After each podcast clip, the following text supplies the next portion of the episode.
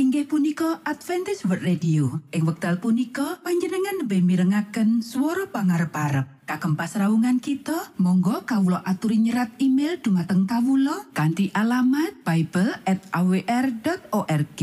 utawi panjenengan uki saged layanan kalian Kawulo lumantar WhatsApp kanti nomor plus setunggal saged layanan kalian Kawulo kalh kalh sekawan kalh kalh kalh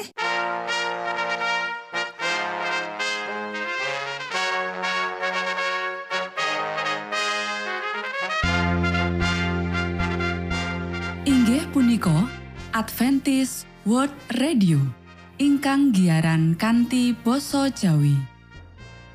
Tentrem Rahayu kula aturaken kagem para mitra kinasih ing pundi papan lan panggonan. Sugeng pepanggian malih kalian Adventist World Radio. Kanti bingahing manah Kulo badi sesarengan kalian poro mitra kinasi. Lumantar saperangan adicara ingkang sampun rinonci. Mligi kagem panjenengan sami. Mugi giaran punika saged migunani tuen dados berkah kagem kita sedoyo. Sugeng midhangetaken Gusti amberkahi.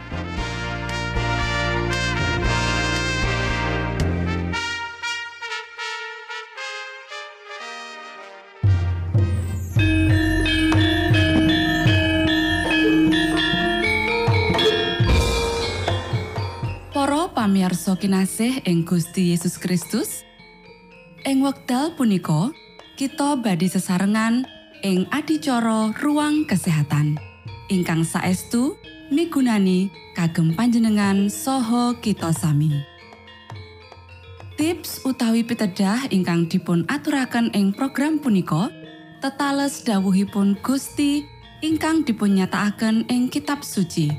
Semanten ugi sakehing seratan ingkang dipun wangsitaken dening Gusti Allah.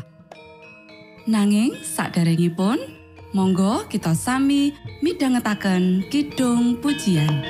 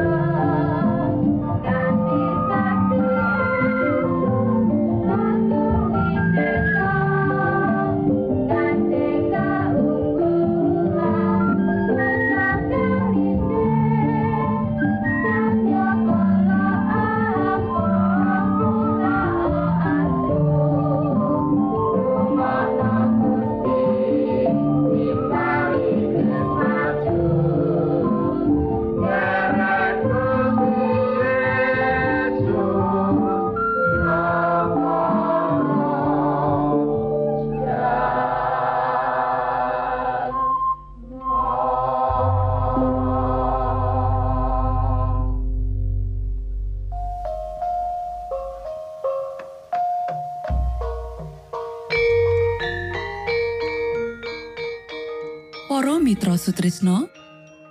Puji syukur dumateng Gusti ingkang murbeng dumati ingkang sampun kepareng paring wewenngan kagem kita.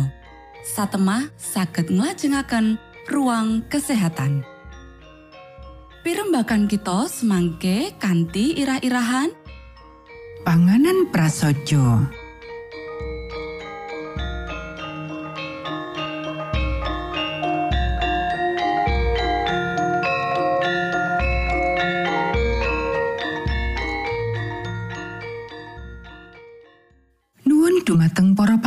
pamiarsa ingkang dahat kinurmatan sugeng pepanggian malih kalian kula Isti Kurnaidi ing adicara ruang kesehatan.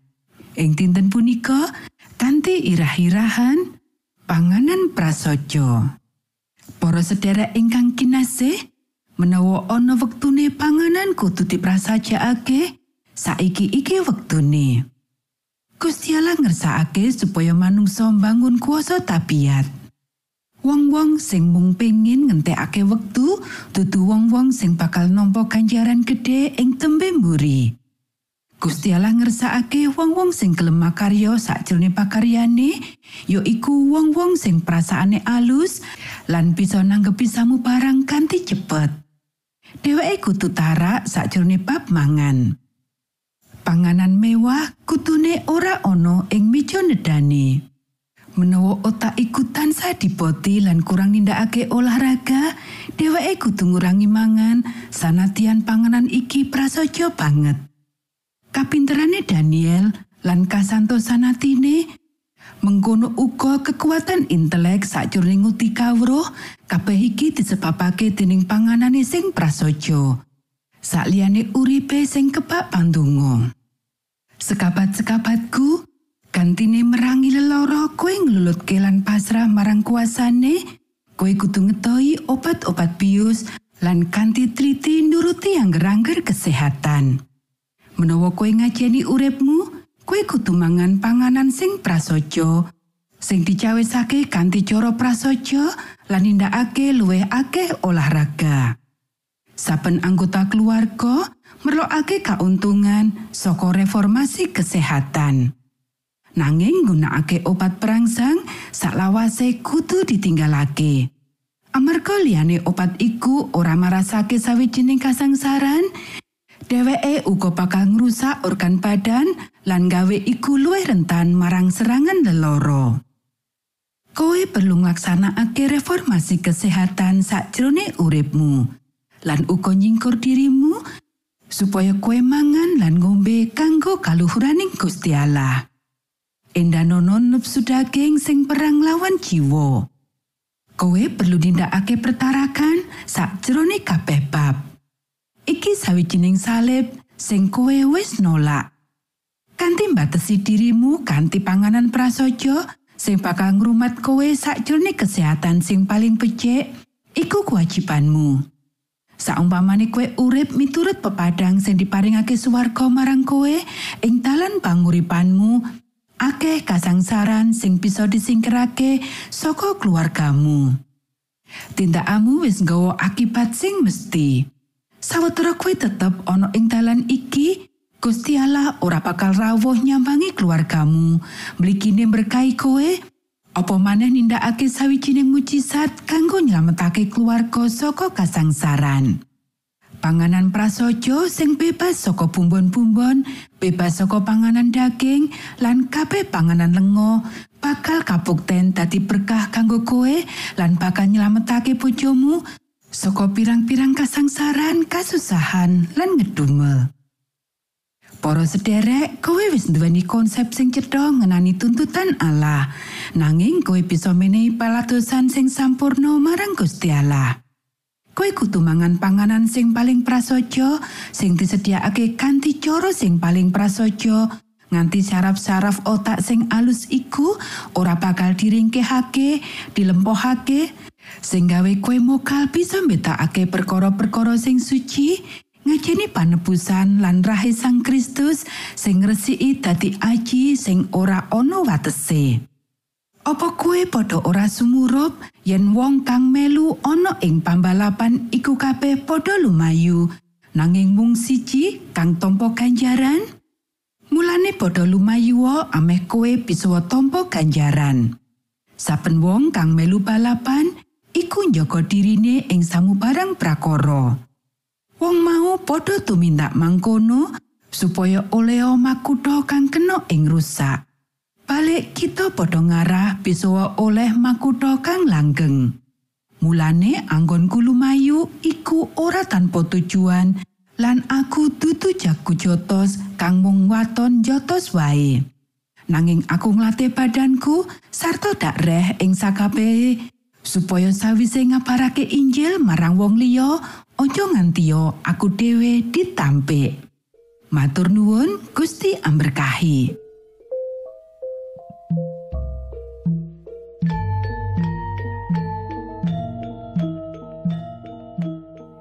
Cekap semanten pimbakan ruang kesehatan ing episode dinten punika.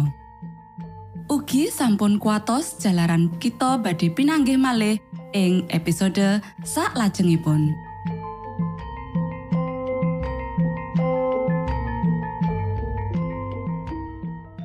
inggih punika adicara ruang kesehatan. Menawi panjenengan gadah pitakenan utawi ngersaakan katerangan ingkang langkung Monggo Kulo aturi. Kinton email dateng alamat ejcawr@ gmail.com utawi lumantar WhatsApp kanti nomor 025 pitu 00 songo songo papat 00 pitu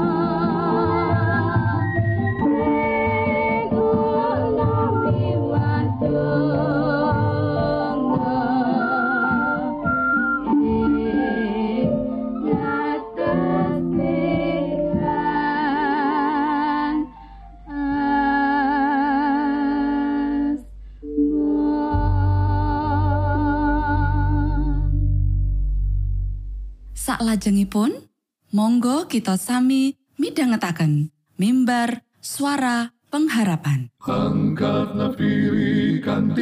pawarto Sang Kristus paderamu Pro umat samyo puji asmanyo Sang Kristus paderamu Inggih punika mimbar suara pengharapan. Ing episode punika kanthi irah-irahan Rasul Paulus ing Areopagus. sugeng tondo Sang Kristus paderamu ilmu kawero tambah tambah. Sang Kristus paderamu paderamu paderamu Sang Kristus paderamu Shalom para pamirsa ingkang kinasih wonten ing Gusti. Sakmenika kita badhe mitangetaken renungan Sabto pangantikanipun Gusti. Ing dinten punika kanthi irah-irahan Rasul Paulus ing Areopagus. Para sedherek ingkang kinasih, awit saka nampa dawuhing Gusti, ora peduli ing ngendi slirane tumunung, Rasul Paulus tansah martakake Injil. Lelakon iku nyoto-nyoto dilakoni Rasul Paulus ing kutha Athena. Ayo kita waca kitab lelakoni para rasul pasal pitulas ayat wolulas nganti selikur. Uga ana ahli pikir sawetara saka golongan Epicurus lan Stoa kang padha sarasean karo panjenengane. Ana kang ngucap, "Apa to sing arep dikandhakake tukang ngoceh iku?" Nanging liyane kondo.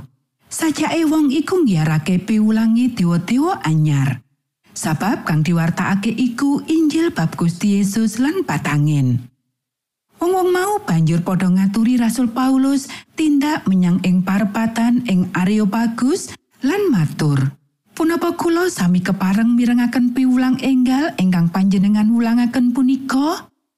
Amargi kula sami panjenengan wartosi prakawis-prakawis ingkang aneh. Milanipun kula sami kapengin mangertos punapa tegesipun punika sedaya.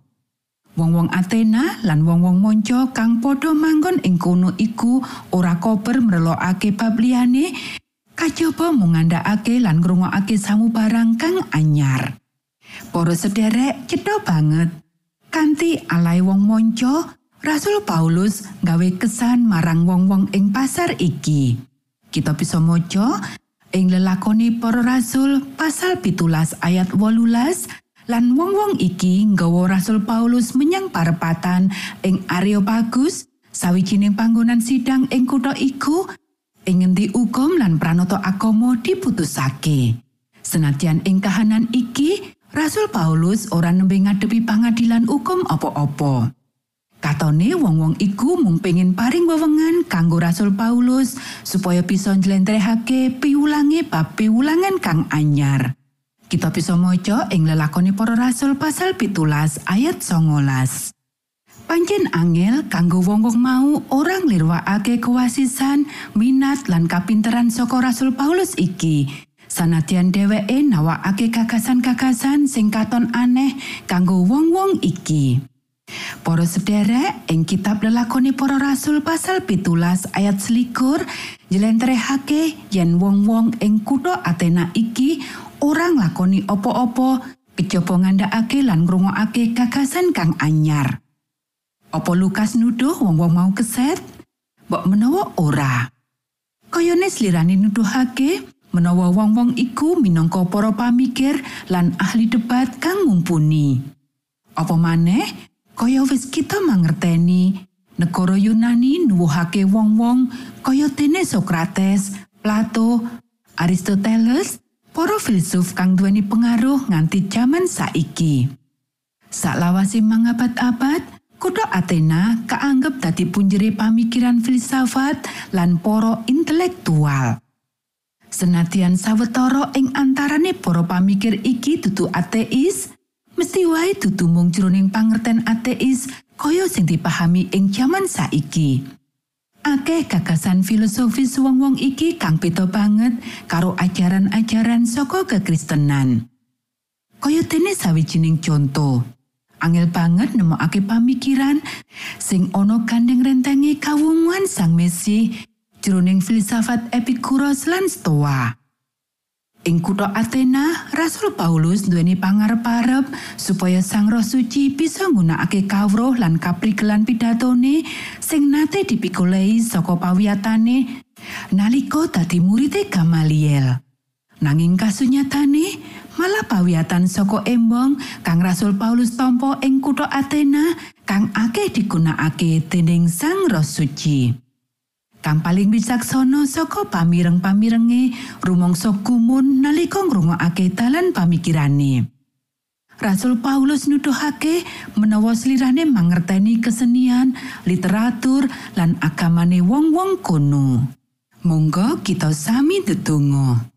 Duh Rama kawula ingkang wonten ing swarga, asma patuko mugi kasucikaken. Kraton patuko mugi rawuh, Karso patuko mugi kalampahan wonten ing bumi kados dene wonten ing swarga. Kawula mugi kaparingan rejeki kawula sak cekapipun ing dinten punika. Soho patuko mugi ngapunten kalepatan kawula kados dene kawula inggih ngapunteni tetiang ingkang kalepatan dhateng kawula. Punapa dene kawula mugi sampun ngantos katantukaken dhateng ing panggoda nanging mugi sami patuko uwalaken saking piawon. Awit dene patuko ingkang kagungan kraton saha wisesa tuwin kamulyan salami laminipun. Amin.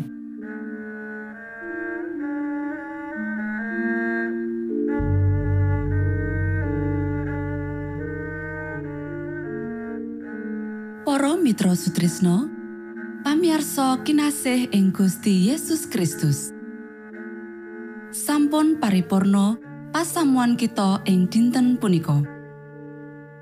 Menawi panjenengan gadah pitakenan utawi ngersaakan seri pelajaran Alkitab suara nubuatan Monggo Kulo aturi kinton email dateng alamat ejcawr gmail.com utawi lumantar WhatsApp kanti nomor 025 pitu 00 songo songo papat 007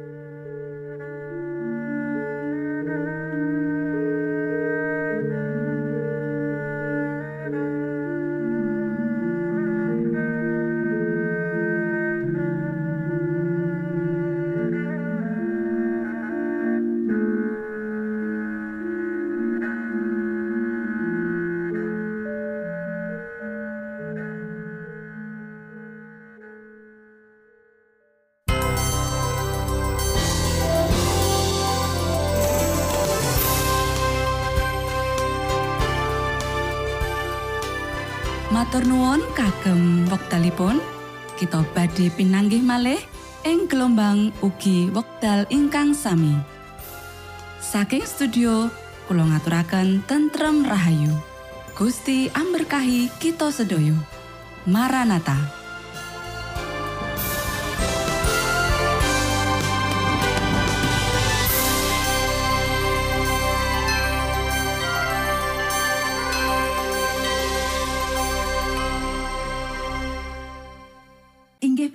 Adventist World Radio. Ing wekdal punika panjenengan lebih mirengaken swara pangarep-arep. Kagem pasraungan kita, monggo kawula aturi nyerat email dumateng kawula kanthi alamat bible@awr.org. Utawi panjenengan ugi saged layanan kalian kawula lumantar WhatsApp kanthi nomor plus setunggal saged layanan kalian kawula kalih kalih sekawan kalih kalih kalih